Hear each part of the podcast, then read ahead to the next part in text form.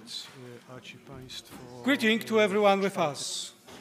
On behalf of the Pontifical University of St. Thomas Aquinas, I would like to warmly welcome you to the first lecture of the JP2 lectures this academic year.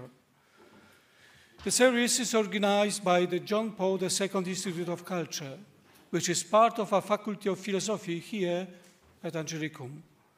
This lecture, as well as the entire JP2 lecture series, could not have taken place without the support of our university authorities, whom I would like to thank. Special thanks are also owed to the founders of St. John Paul II Institute of Culture, donors and supporters of the Institute, our audience, and all viewers in front of the screens. The St. John Paul II Institute of Culture was established to look at the challenges facing the modern world at the church in light of the life and thought of St. John Paul II. The idea of thinking with John Paul II has been embodied in the JP2 lectures series, which are monthly lectures of prominent interdisciplinary scholars who reveals the extraordinary contribution of John Paul II for our own day. Now, I'm pleased to give the floor to Dariusz Karłowicz, the initiator of the JP2 lecture series and the St. John Paul II Institute of Culture program director. Dariusz Karłowicz will share more about our today's special guest.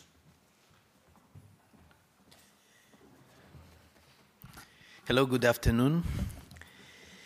Dear friends, it's my honor to introduce to you Father Jarosław Kupczak, Polish Dominican and theologian, one of the world's leading experts uh, in the Christian anthropology of John Paul II. He's a lecturer here at Angelicum as well as at the Pontifical University of John Paul II in Krakow, where he heads the Department of uh, Theological Anthropology at the Faculty of Theology.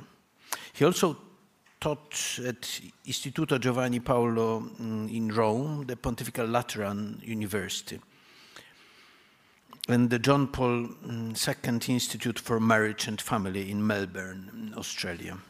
He's uh, the author of Destined for Freedom, the Human Person, in the philosophy of Karol Wojtyla slash John Paul II, and the second book, Gift and Communion, John Paul II's Theology of the Body, among other books. In his lecture titled The Church and Culture After the Second Vatican Council, Professor Kupczak will explore the Church's teaching on the relationship between the Church and culture, bearing in mind the crucial role of the Second Vatican Council in forming the relationship. Drawing on the thoughts of the Pope of the 19th and 20th century, the Council formed a new relationship between the Church and culture. This relationship was based on the conviction that the Church would henceforth always live in a pluralistic world. An understanding of the cultures in which the church lives is necessary to proclaim the gospel. Father Kupczak will draw us closer to the thoughts of these key issues of the popes leading the church in the past few decades. Professor Kupczak, the floor is yours. Uh, thank you uh, for the very kind uh, introduction.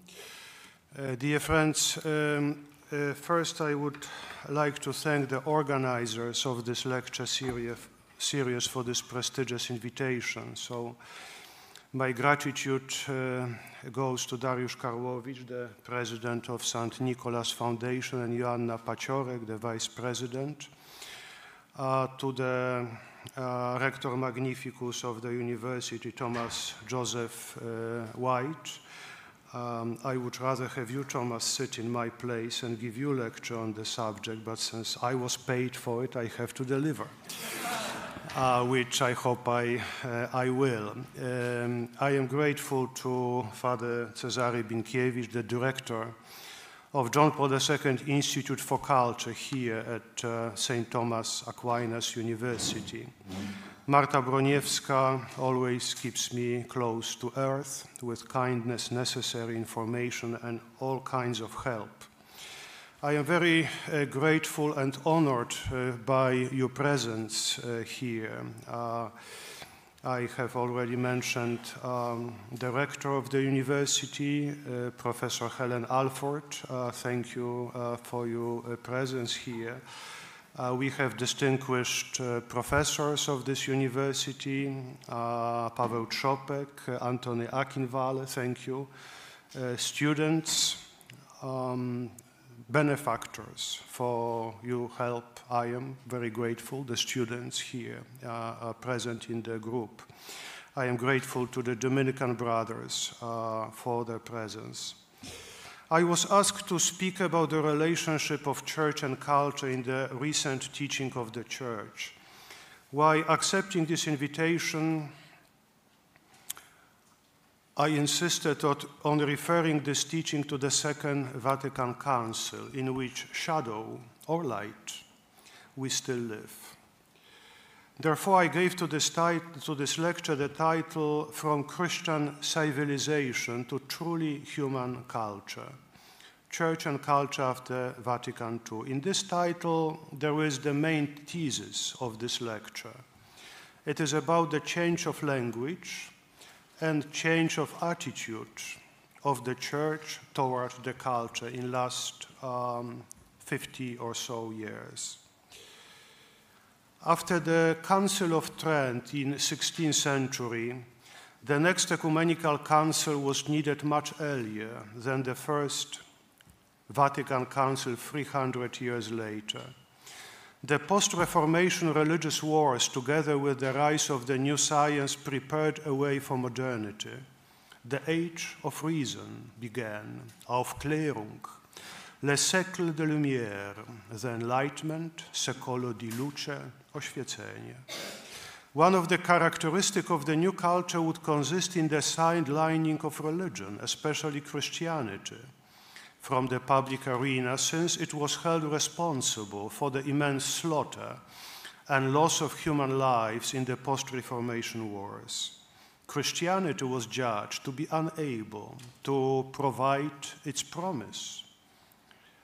The principle for a peaceful order in Europe and the world the new science, presumed to be objective and not ideological, based on experiment and mathematics, was expected to create the principles of the eternal peace in Europe. It is at the end of the 19th century, the century of revolutions, nationalistic ideology, romantic re reaction to enlightenment, that the Catholic Church finally tried to respond to modernity the First Vatican Council convenes in uh, 1869 and ends abruptly after nine months, where Risorgimento troops entered Rome from north. The Pope declares himself to be the prisoner of the Vatican. The unfinished First Vatican Council becomes the last one held in the Papal States. Between the First and the Second World War, there is a gap of 90 years, but culturally, much more.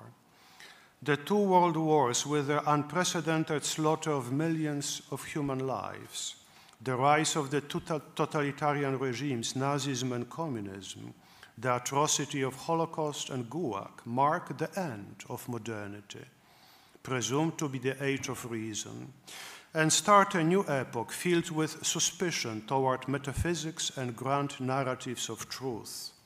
People at the middle of the 20th century, shocked with the depravity of war crimes, were at the same time looking brightly into the future with the establishment of the United Nations, the Universal Declaration of Human Rights, immense economic and technological progress, decolonization in Africa and Asia, It is that at that time that the Second Vatican Council convenes.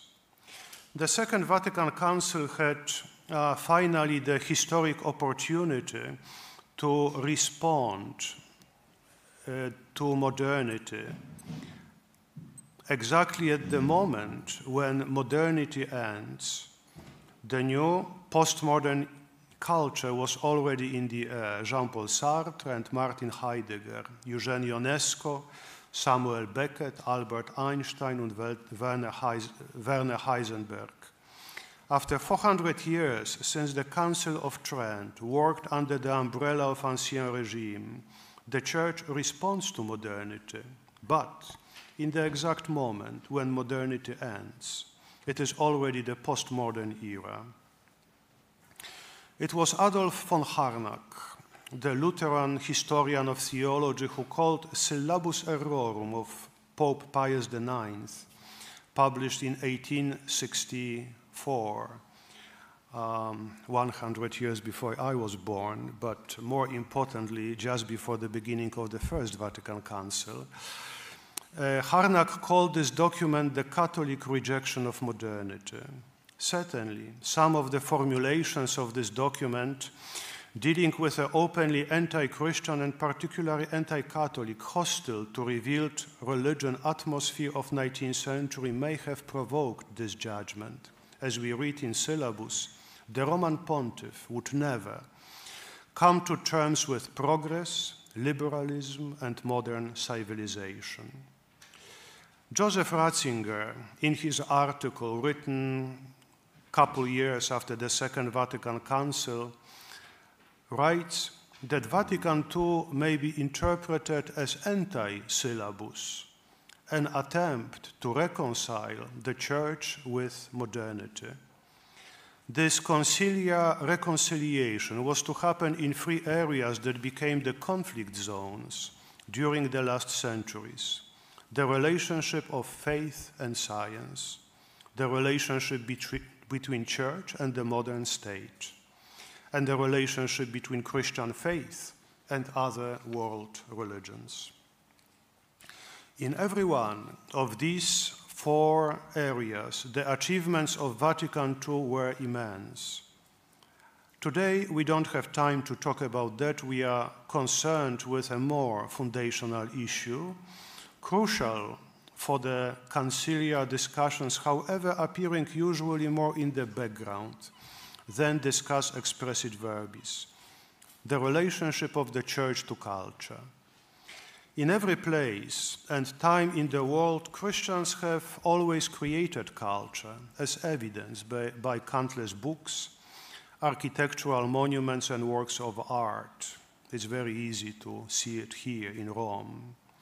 However, it was only in the modern period, especially in the 19th century, that the problem of relationship between the church, faith, and culture was clearly posed. The main reason for this consisted in the modern secularization process, which in the homeland of Christianity, Europe, created a culture independent of the church and often defined by its distance from the faith, often hostility. Even in the 19th century, the church could still look at the process of culture becoming independent from the church through the prism of the parable of the prodigal son who will soon return home. The Second Vatican Council is a sign of the church understanding and acceptance that it will increasingly address people who find their identity outside of Christian context, within a culture devoid of any explicit reference to Christianity or even, or even to any transcendence, a culture that defined itself within, to use Charles Taylor's phrase, immanent frames. In order to illustrate the achievements of the Council in regard to the relationship of faith and culture, I will now turn to the two popes of the Council, John XXIII and Paul VI.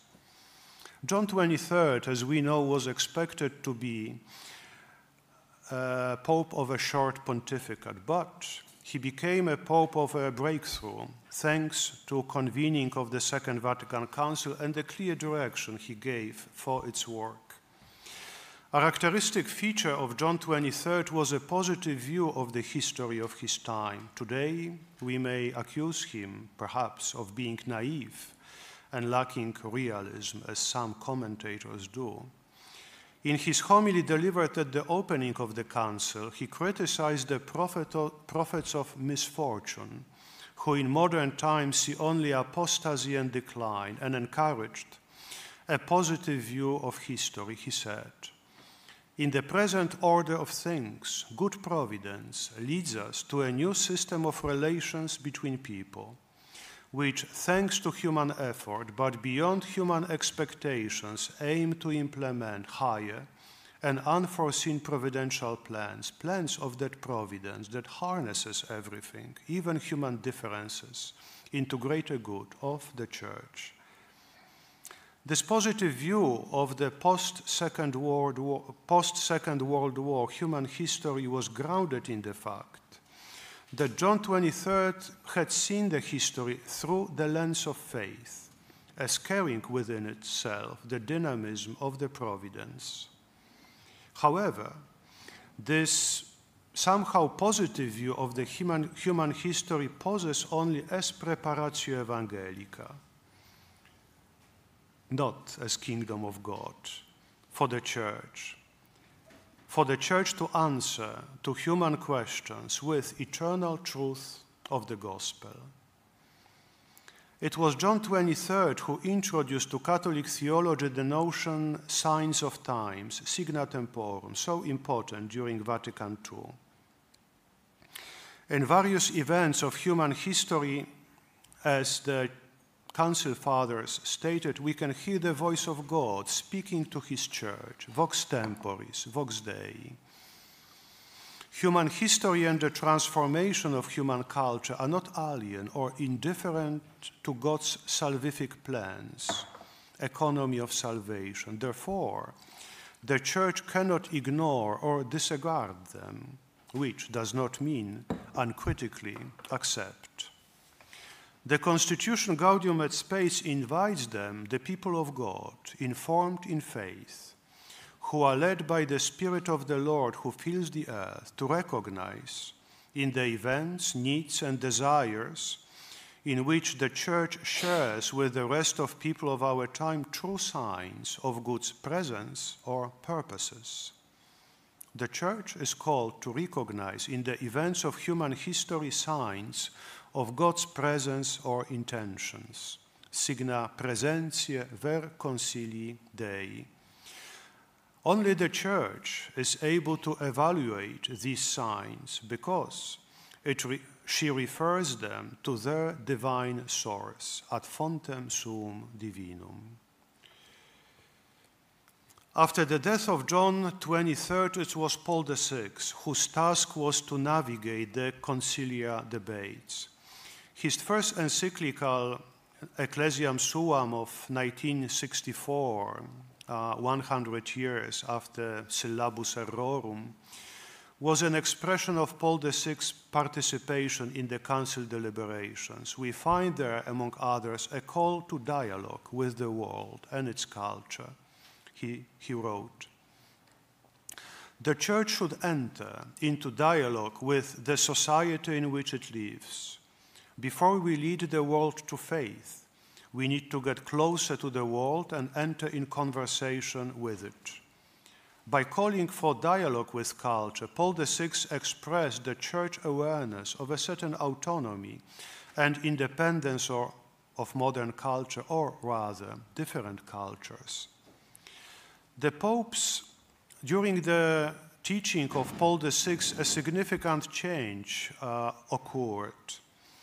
The Pope of the 19th and first half of the 20th century consistently used the term Christian civilization, which is true civilization, which is built on the Christian principles.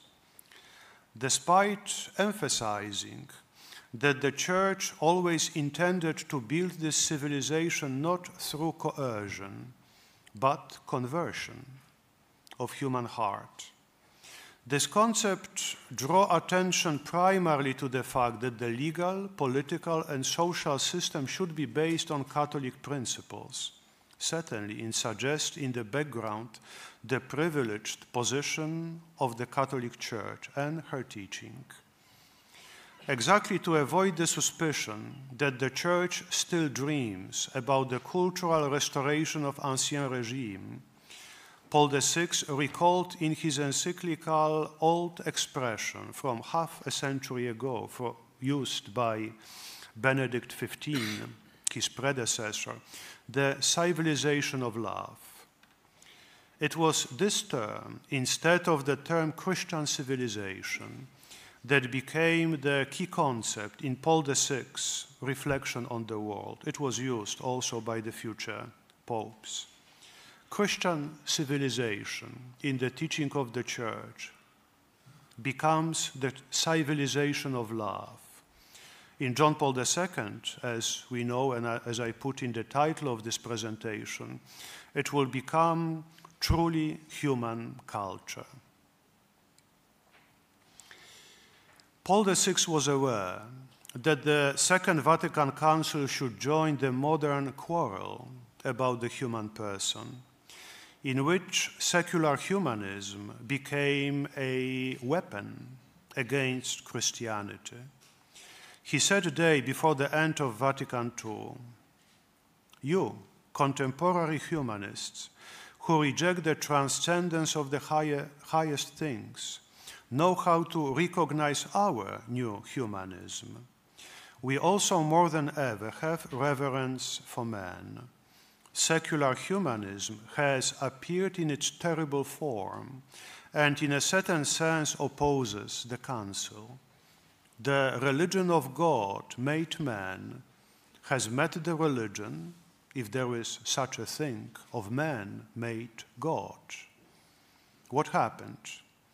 collision, fight, anathemas. It could, have, it could, could have happened, but it did not. The old story of the Samaritan turned out to be a model for the spirituality of the council. The end of quotation. Ecclesiology of the Samaritan. As we know, this is one of the favor uh, parables um, of Pope Francis, who frequently refers to this model of Samaritan in his teaching on the Church. The reconstruction of Vatican II theology of culture would be a vast and ambitious project, primarily theological. We don't have the space, we don't have the time here even to outline its content. However, let me point only just passing uh, to two among many pillars of such structure. First, uh, this, would, this would refer to a historical understanding of divine revelation. As we know, the quarrel between history and dogma was one of the main historical disputes of the 18th and the 19th century. In a sense, uh, in the Vatican II teaching, we have a very sophisticated uh, reconciliation between those two terms, where, where Christian revelation is portrayed as historical in nature. But historical does not mean relativistic. A very important role is played in this picture by culture, culture becoming part of the revelation culture becoming really a tool for, for the incarnation of God, with all the necessary uh, uh, warnings, uh, we can say that if the word logos became flesh, the word logos became culture in a certain, in a certain way.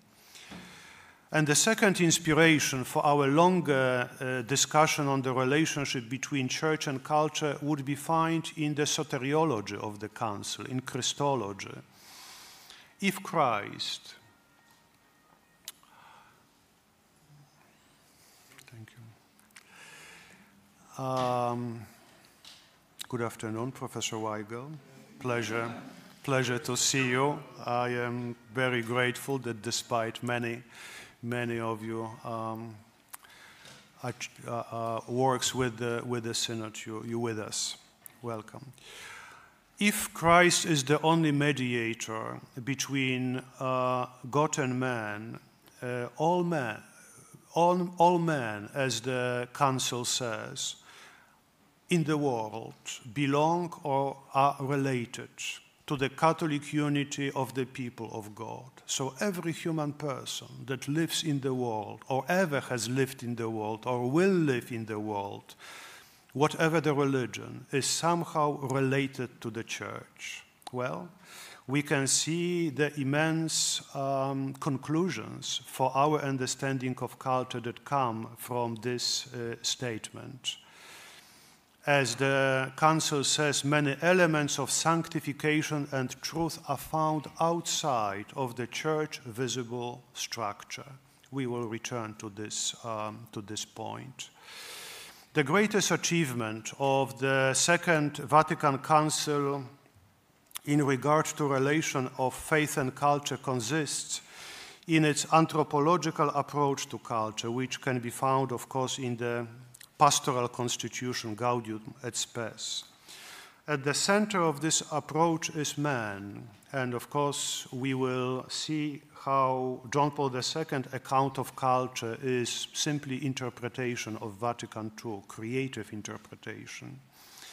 At the center of this approach is man as the one who creates culture, needs culture, who creates himself thanks to culture.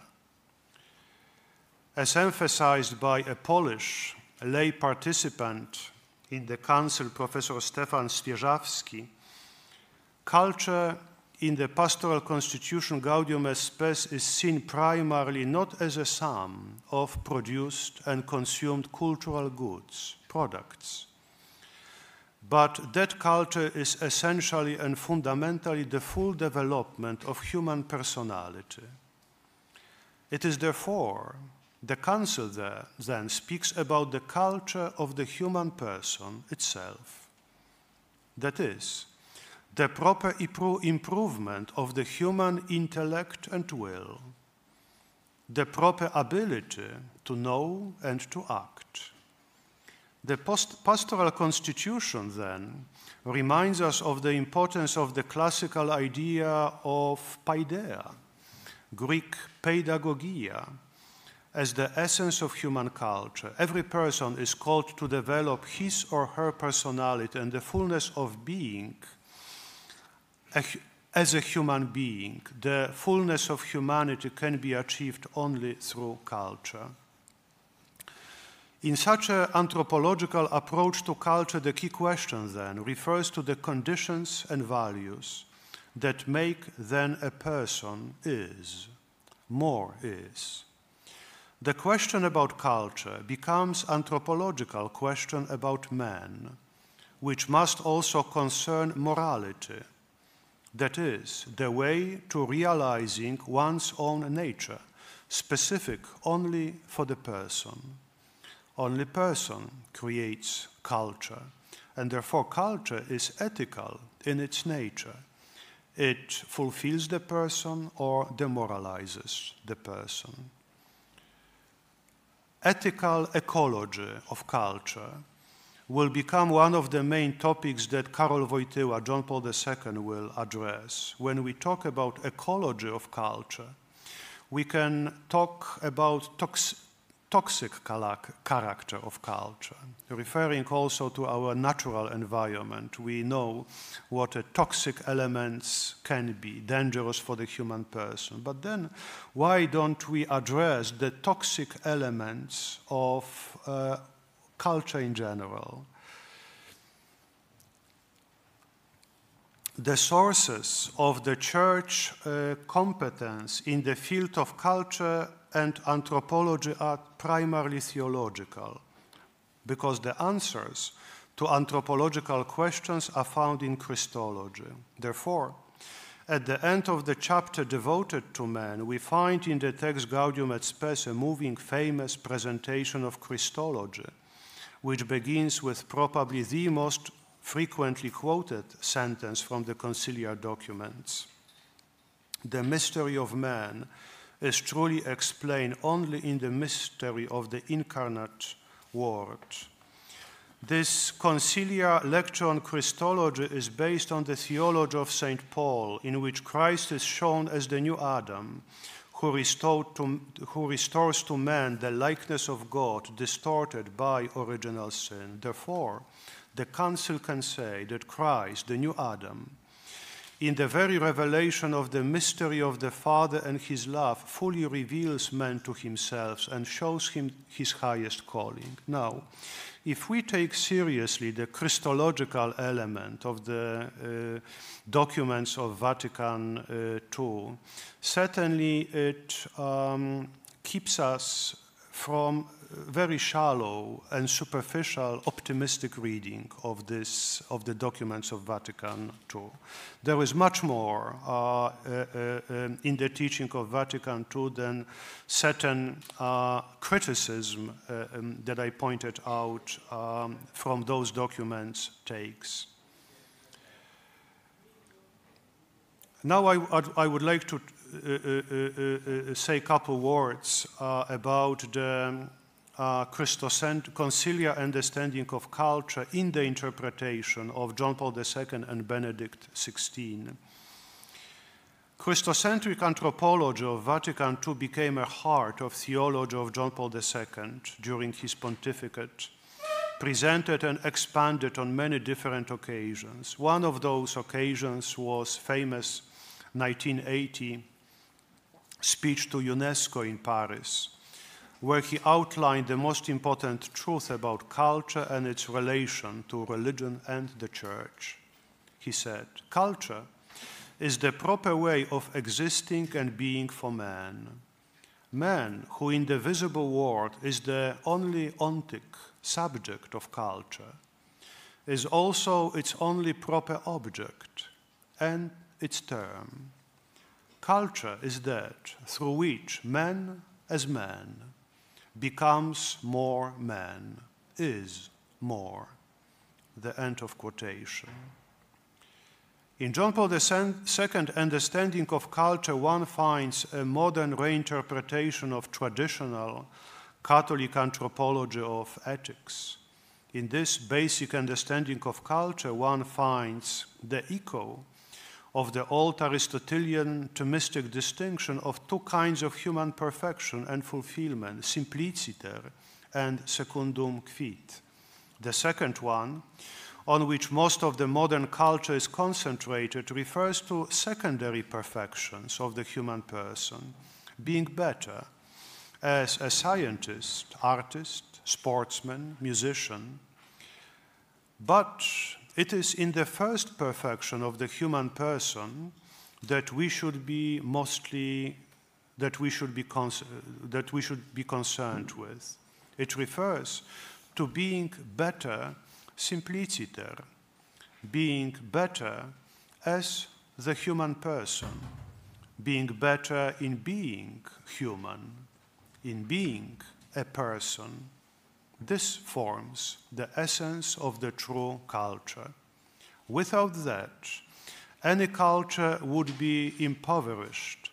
It becomes a mass culture of medio mediocrity that ultimately demoralizes and destroys, reduces the human person. It seems that the emphasis on the ethical as the essence of culture forms the real contribution of John Paul II to the modern Catholic understanding of culture. The second, John Paul II contribution to our understanding of culture consists in stressing its implicit religious character. I have said about this a little bit about this. The Pope has said in Paris, to create culture, it is necessary to see man as a particular and sui juris value, as the subject bound with personal transcendence. Only the person aware of his or her personal transcendence can really create culture, Now, can we think seriously about human transcendence outside of religious context? Possibly yes, but mostly in a very impoverished uh, form. For John Paul II, any culture should be seen as implicite or explicite religious, since it is always created by homo religiosus, who either asks the question about God or for some reason avoids it. There are two points worth noting in regard to this religious hermeneutics of culture. First, this interpretation of culture should not, should not be seen as a sign of recurring Christian or Catholic cultural imperialism, attempting to stamp everything as belonging somehow to the church. It's actually the opposite. Such interpretation of culture allows to see it in its origin, originality and alterity, since it is grounded on the fundamental reverence for the creator of the culture of the artist and of the person on the imago Dei that refers to the creator. At the same time, this open attitude toward every artistic and cultural creation does not imply giving up the standards of truth in judging the particular culture, work of art, work of culture, especially in our times when transcendence becomes simply transgression. It seems that the important difference between transcendence and transgression is marked exactly by the moral factor. Human transcendence exists only in the shadow of the most important human question how to be more human, how to be a better person, how to be. It's an ethical aspect. Human transgression concentrates exactly on avoiding this question, as if crossing the boundaries and moral norms would automatically lead to the fulfillment of the person, especially in art. We know well that from our experience that it does not. Thinking about today's impoverished culture, John Paul II pointed in Paris to the real anthropological crisis of the Western world. These societies are confronted with man specific crises which consist of a growing lack of confidence with regard to his own humanity, to the sense of being a man, and to the affirmation and joy derived from it, which are creative. In all that, there is indirectly expressed a great systematic renunciation of the healthy ambition of being a man. Let us be under no illusion. The system that is constructed on the basis of these false imperatives, these fundamental renunciations, will not create the future for man and for the culture.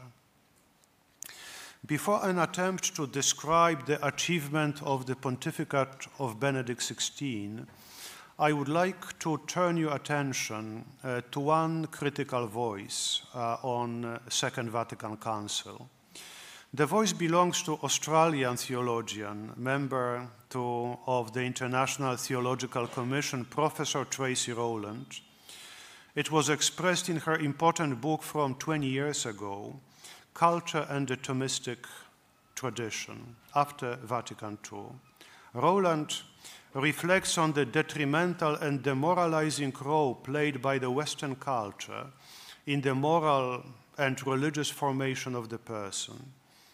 This is her argument in criticism of the positive treatment of modern culture in Vatican II. She writes There presently exists a dramatic disjunction between the apparently positive treatment of modern culture in Gaudium et Spes and contemporary critiques of modern culture or select aspects thereof as culture of death, John Paul II, a polity of death, Catherine Pickstock, a culture with the form of a machine which is resistant to grace, David Schindler, and a culture which is toxic to the flourishing of virtue and the precepts of the natural law. Alasdair MacIntyre.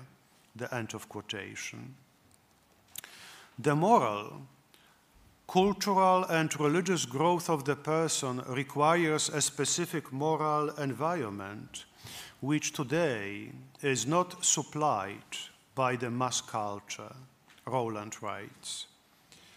The mass culture now present in uh, mostly in its internet form is mostly a demoralizing factor, becomes a demoralizing factor, not supporting the growth of the human person. For church, this is a important question mark toward the celebrated Vatican II notion of inculturation. Inculturation has been often understood as in Christian faith can incarnate in every culture in order to transform it from inside. It is possible as long as we understand the faith, not in the, as in the classical Protestant tradition sola fides, but, in the, but as in the Catholic tra tradition, where faith comes on always with a specific ecclesial culture which guarantees its growth. This culture of faith was traditionally expressed as liturgia, martyria, e diaconia, liturgy, witness, and service, caritas toward others. This is a set of cultural practices that make a believer, that guarantee a growth of faith that distinguish a believer from a non believer. Inculturation, therefore, should be seen as encounter of cultures that starts with uh, taking care of Christian culture, of Catholic culture, culture that guarantees the growth of faith. As much as our world undergoes a secularization, I think this truth is more and more uh, important. It seems that this is the moment when we can point out to the most intellectual contribution of Joseph Ratzinger, Benedict XVI. It consists exactly in his reflection on Catholic liturgy, music, and beauty, apart, of course, from his theological achievements. In the first exhortation of Benedict XVI, Sacramentum Caritatis, the Pope states that everything related to Eucharist should be marked by beauty. Beauty, for Benedict XVI, is not a subjective value, subjective individual experience, but experiential aspect of ontolog ontological truth of what really is. Pope Benedict calls the whole of Christian liturgy veritatis splendor, the splendor of truth or the beauty of truth. He uses here the title of this most intellectually advanced encyclical of John Paul II. He writes God allows himself to be first glimpsed in creation, in the beauty and harmony of the cosmos, but it is in Christ that we contemplate beauty and splendor at their source. Encounter with beauty has a pedagogical role for the Christian participating in the liturgy. Therefore, for Benedict XVI, so important is a topic of a proper music in liturgy. It's not only about the quality of music, it's about criteria for the church music that can point out not just to the human achievement and can celebrate not just the human greatness, but can point to God. As he says, it has to include a certain spiritualization of matter. So, in his writings, we find a significant part, a significant reflection on the criteria of proper culture necessary for the spiritual formation of the faithful, pop and popular music, of Dionysian character, ethnic music have to be excluded from the liturgy unless it is uh, transformed. It seems that um, it was Benedict XVI who was uh, very much aware of the culture of faith, culture that is necessary for the growth of faith and for the formation of the believer through the liturgy and through the whole uh, environment of um, intellectual, moral, and ethical environment. Um, I am far from exhausting the subject, but I may, I may be close to exhausting the listeners. Uh, as you know, uh, there can be no clear conclusions at the end of this uh, lecture, uh, besides some uh, general observations and questions. Now, at the beginning of the 21st century, we seem to be much closer in our consciousness about culture to the beginning of the 20th century than to the time of Vatican II. The Christ Church seems to be unwelcomed or barely tolerated in many parts of the world. Certainly, after all the stories about the end of history, we returned now to the dramatic reading of the human history, the history as the conflict, history as a tension, history as a drama. The book of Apocalypse, the last book of the Bible, is back.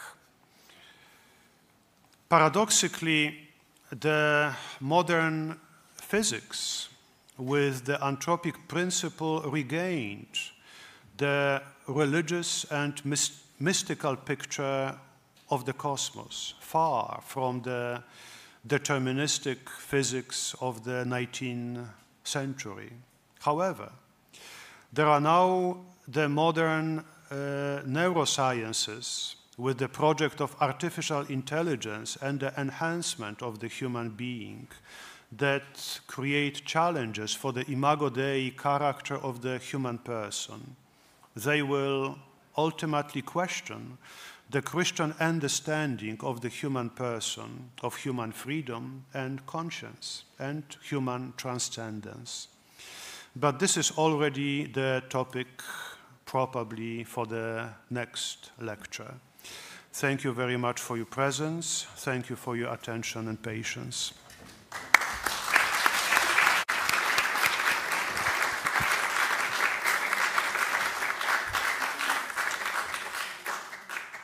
Father Professor Kupczak, thank you very much for your lovely lecture. We are all in the culture. We were born in the culture. We are living in the culture. So I think we have a lot of questions. So please Use a mic.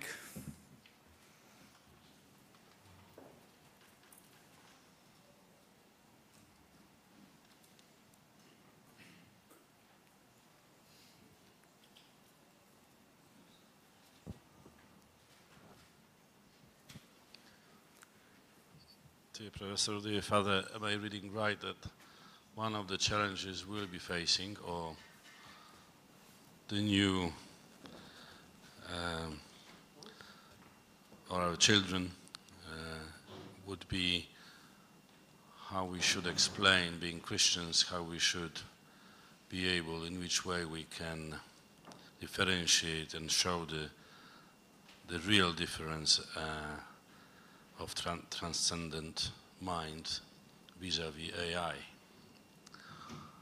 How we can, what tool we can, will be using, how we can explain that. that that's one of the conflicts, civilization as I see it. Please. Honestly, I, I don't think I am a competent person uh, to answer uh, to answer this uh, this question. Let me let me just uh, point out to a certain utopian vision of uh, artificial intelligence and the whole project of enhancement of the human uh, being.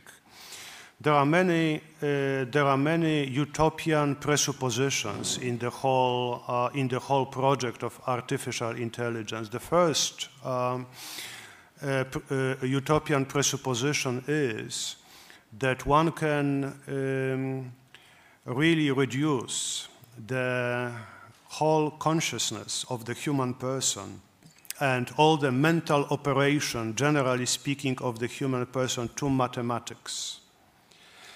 This is a very, uh, this is a very bold uh, uh, expectation, uh, and uh, certainly from the point of view of the Christian uh, anthropology, very questionable. Um, secondly, artificial intelligence um, is really a utopian vision of the person without a body many commentators point out that uh, uh, very often this post-human vision of the of the new, uh, you know, of the, of this creation of the new human being, it's always without a body, without a body. And if we say without a body, we have in the background um, the whole uh, idea of uh, body as essential for human being, body as essential for everything that is human, including the cognition of God. There is no cognition of God. Uh, there is no truth outside of the human body right? So we are at the, uh, uh, at the at, uh, so outside of the human senses and outside of the sensual cognition. So we are really at the, at, at the very utop utopian uh, project of creating a different species, perhaps, perhaps intelligent, but certainly not, uh, uh, not human and not transcendent in the way we used transcendence um, as referring to the human person. Transcendence referring to the human person, starting with the ancient tradition, and Angelicum, uni uh, this university is a good place to say it, of course, was um, uh, transcendence in the ancient tradition was always starting with the sensual cognition of the universe, of the cosmos. So, from this point of view, the best manual on natural theology are the Psalms, right? From the Hebrew Bible, the Psalms, in which the psalmist simply looks at the beauty of the universe and he praises the creator of the universe because he sees uh, with his eyes, uh, let's using the modern language in a very pragmatic terms as body between the bodies. He sees the beauty, he sees the order, and for this very reason, he can reflect on the, on the divine as somehow present in the creation. So, creation as the Word of God. Now, where is it really mathematics? Is it really, can it be really expressed by artificial intelligence just as a mathematic operation?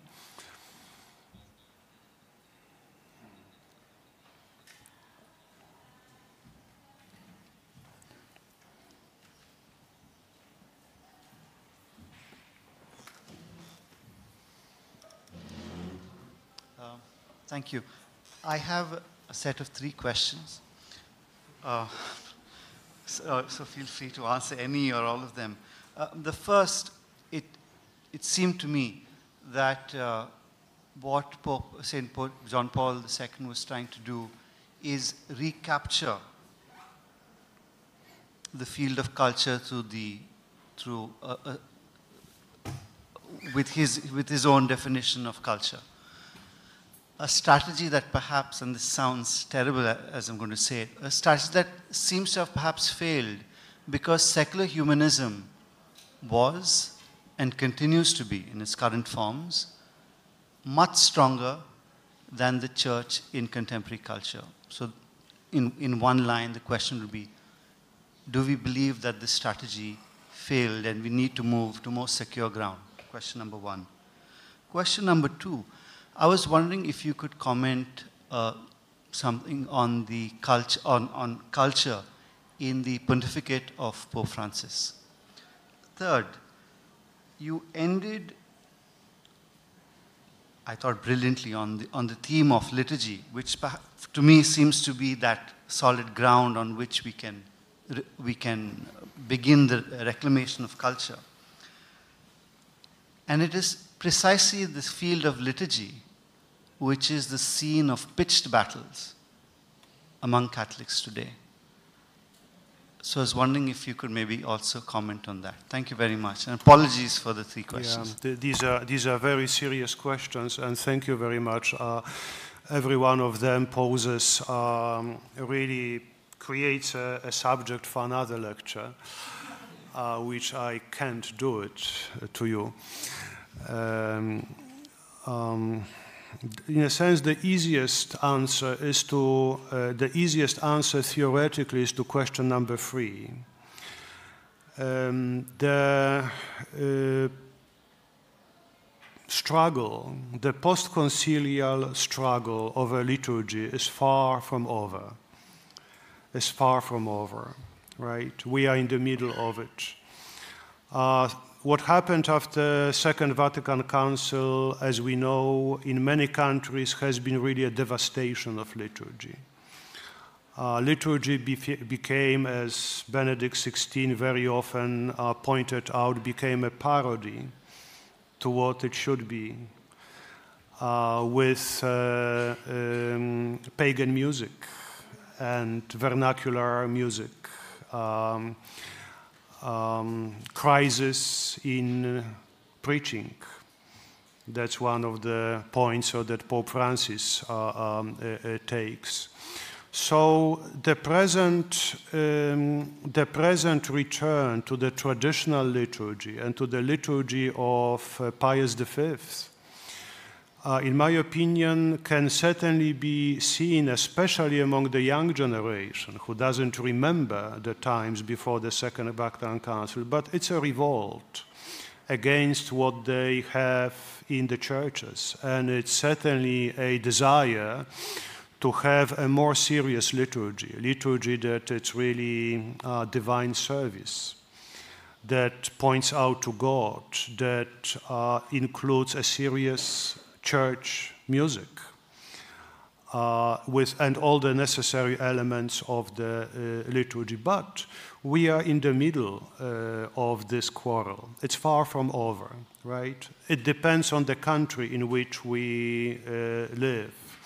In some of the countries where the so-called reforms of Vatican II were accepted quite often with haste and this revolutionary zeal, uh, the destruction was more serious.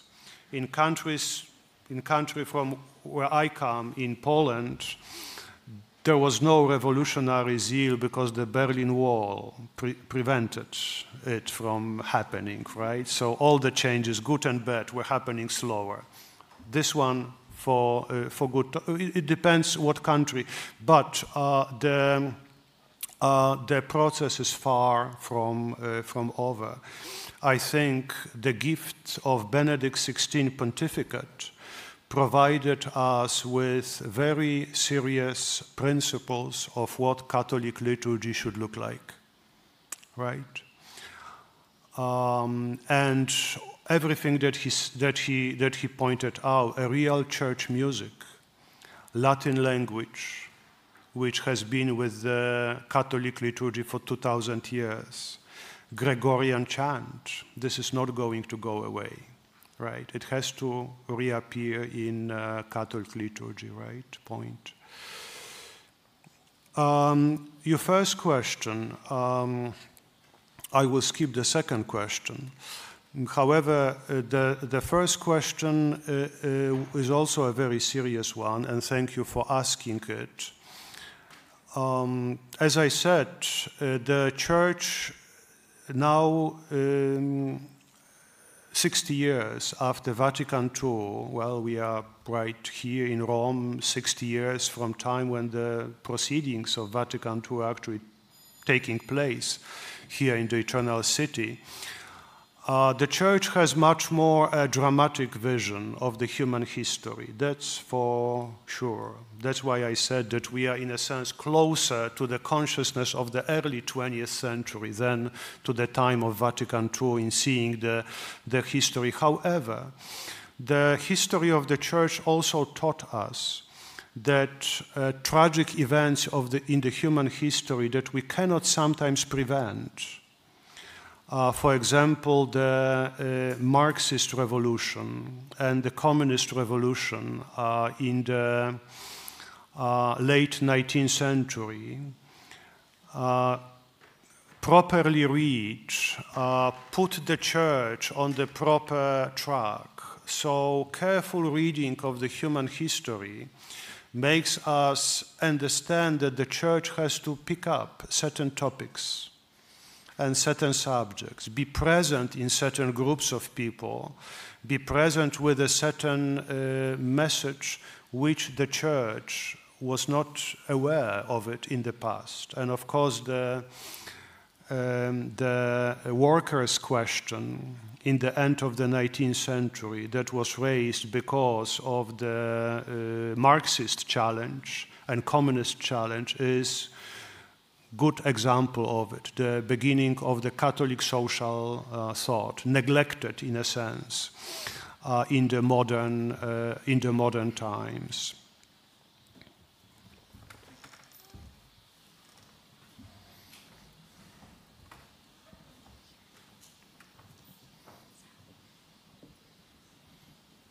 Uh, thank you for your talk. Um, I was talking about culture and the church and we see um, a decline in people going to church, and we see the church culture kind of, you know, do you think that that is a, I feel like in America especially, that there's a lack of culture generally to art, beauty, music, and you know, you used to walk into a church and there would be this beautiful music and there'd be paintings and be architecture, and the culture now is turned away from the church. Do you think that that decline in the church culture has affected the you know, disassociation with just culture in general?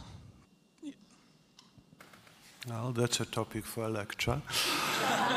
uh, well, this question should be uh, really directed to the president of St. Nicholas Foundation and to people who support him, because this is uh, one of the main aims uh, of um, St. Nicholas Foundation in establishing this lecture series and establishing a whole series of programs in Poland to renew the uh, dialogue between church and culture in general and art in particular, uh, and painters even more uh, particularly. Uh, there is no uh, question, and I said Dr. Karłowicz would be an excellent uh, person to talk uh, uh, about it. there has been a break in the um, conversation between church and art. We can argue uh, about the history of this break and the um, uh, and the story of this break. We can argue when, at, at which moment, the, as, you, as you have said, the art in our churches became banal, right? And the only thing uh, we can, uh, we can, we can have the religious music of Baroque period uh, played in our churches, but we are far from uh, creating our church music and our church art now. We had many conversations with uh, Dr. Karłowicz about purely um, mm, Rep repetitive, thank you. Uh, about purely repetitive uh, character of uh, church uh, art nowadays, this repetitive character, and I, I, would like to be well understood, for example, consists in our, um, uh, we talked about it uh, many times in our um, um, um, in our imitating of the uh, Eastern icons in the Catholic Church, right? That in a sense, it, it, it, it looks like the only uh, paintings we have now are the icons, right? But we had a great tradition in the church of uh, realistic paintings pretty much in every period of the human history. There is a big challenge, and St. Nicholas Foundation is really on the cutting edge here in Poland now, thanks to Angelicum also here in, uh, in Rome, on the cutting edge of recreating this dialogue, right? That's, that's, a, that's a very big question. But again, I am not exactly the competent person to talk to. Please address this question to the President.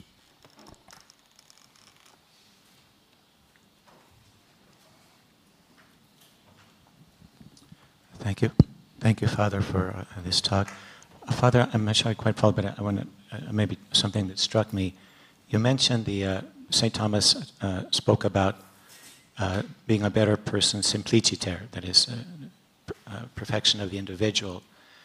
And then the, in contrast with saying a better painter or a better citizen or something. Maybe I'm, I did not follow you there, but, but my question is this, or, or a comment before the question. It seems, Father, that, that in the last, I don't know, number of years, that there's been a, lack of emphasis or lack of, of, of, recognizing the importance of the perfection of the individual as an individual, that is, practicing the virtues and, and being a better person as an individual. And all the emphasis is on being a better, uh, or even not even on the individual at all, it's like uh, uh, on the environment or, or, or on society or, or remedying this social issue or this so it's all like outward, out bettering this, uh, uh, finding solutions for, for this stuff that's exterior to the individual, but the individual is like forgotten, the, the uh, perfection and the bettering of the individual. W why has that happened, and do you think there's anything we can do about it? Yeah, thank you. Um, I, I am convinced, as I, as I try to say, that stressing the ethical character of culture was one of the uh, most important achievements of Karol Wojtyła and John Paul II. Of course, he worked for his whole life in ethics and anthropology. So it was very easy for him to understand that uh, if culture is to build the human person, uh, it has to be and its, and its core ethical in character. So it has to support the growth of the human person. Um, yeah, this, this, is, this is extremely important. I, I often uh, joke that if I would be the uh, Minister of Education of Poland, I would uh, introduce the impossible, which is uh, one month uh, necessary service of all the young people as volunteers in the local hospitals. Right? This is what the school should be about. It's not only about learning music and learning mathematics, it's about becoming a person. Where, where, where do you become a person if not uh, uh, encountering human need and human, human suffering? We don't have to look for it. You just, you just volunteer in the local foster care place, you work with elderly, and this should be obligatory. Right? In the past, in a sense, we can think about the ancient societies where it was built in the normal fabric of everyday life. Now, with a certain uh, uh, professionalization of medical care, with a certain transformation of, uh, uh of, of, the, of, of, our uh, of our families and of our, of our, of our life, it, it's, it's absent from the formation of the human uh, persons. But it's not formation anymore then. It's just education.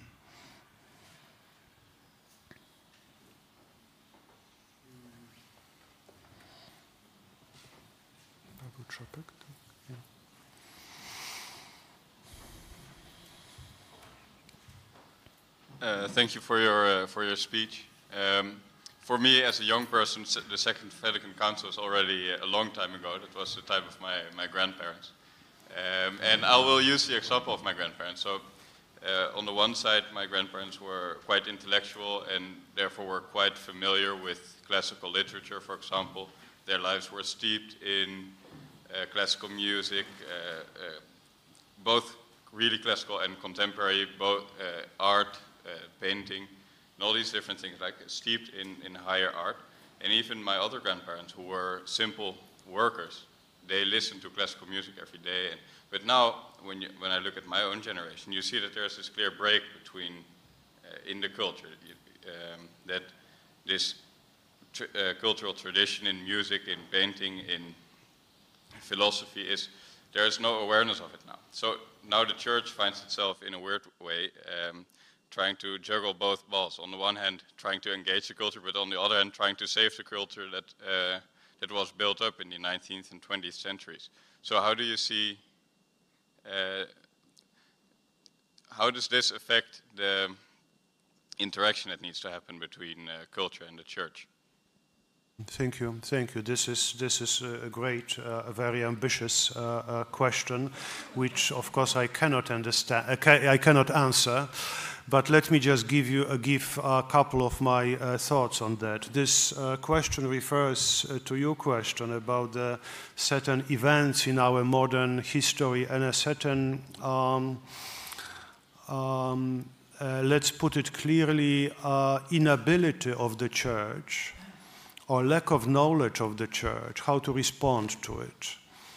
Uh, honestly speaking, we have never had, uh, as to my knowledge, the, uh, such a situation. The, the church and we as a, as a, as a human beings, as a society, uh, and as Catholics, we are confronted with unprecedented events in the human history.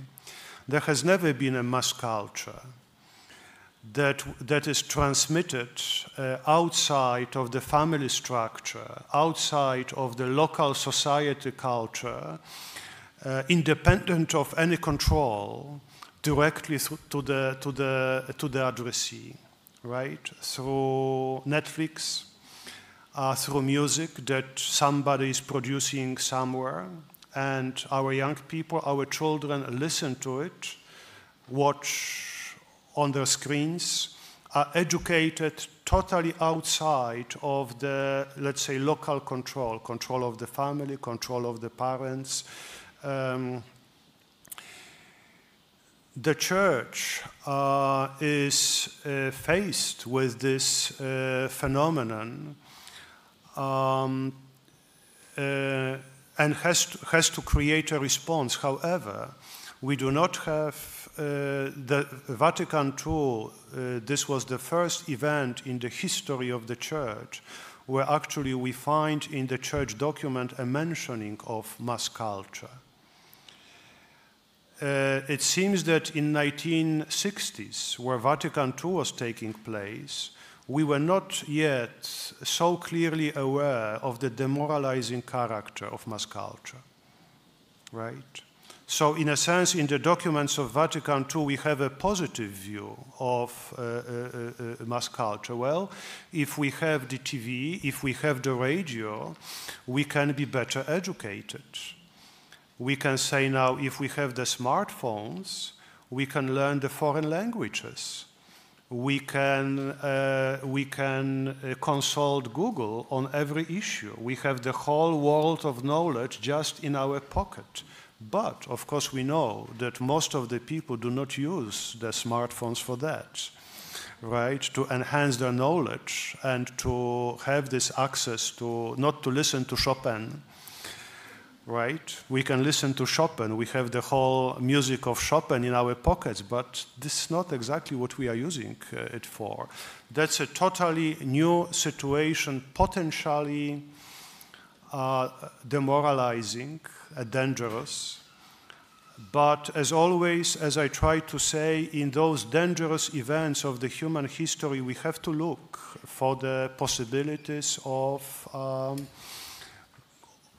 for the chances for the church, right? And of course, we know that the, the world of internet provides many examples of evangelization, of getting to the people with the, with the gospel, to the people that otherwise perhaps we would be not able to, uh, to reach. So it's always a drama. It's always a drama.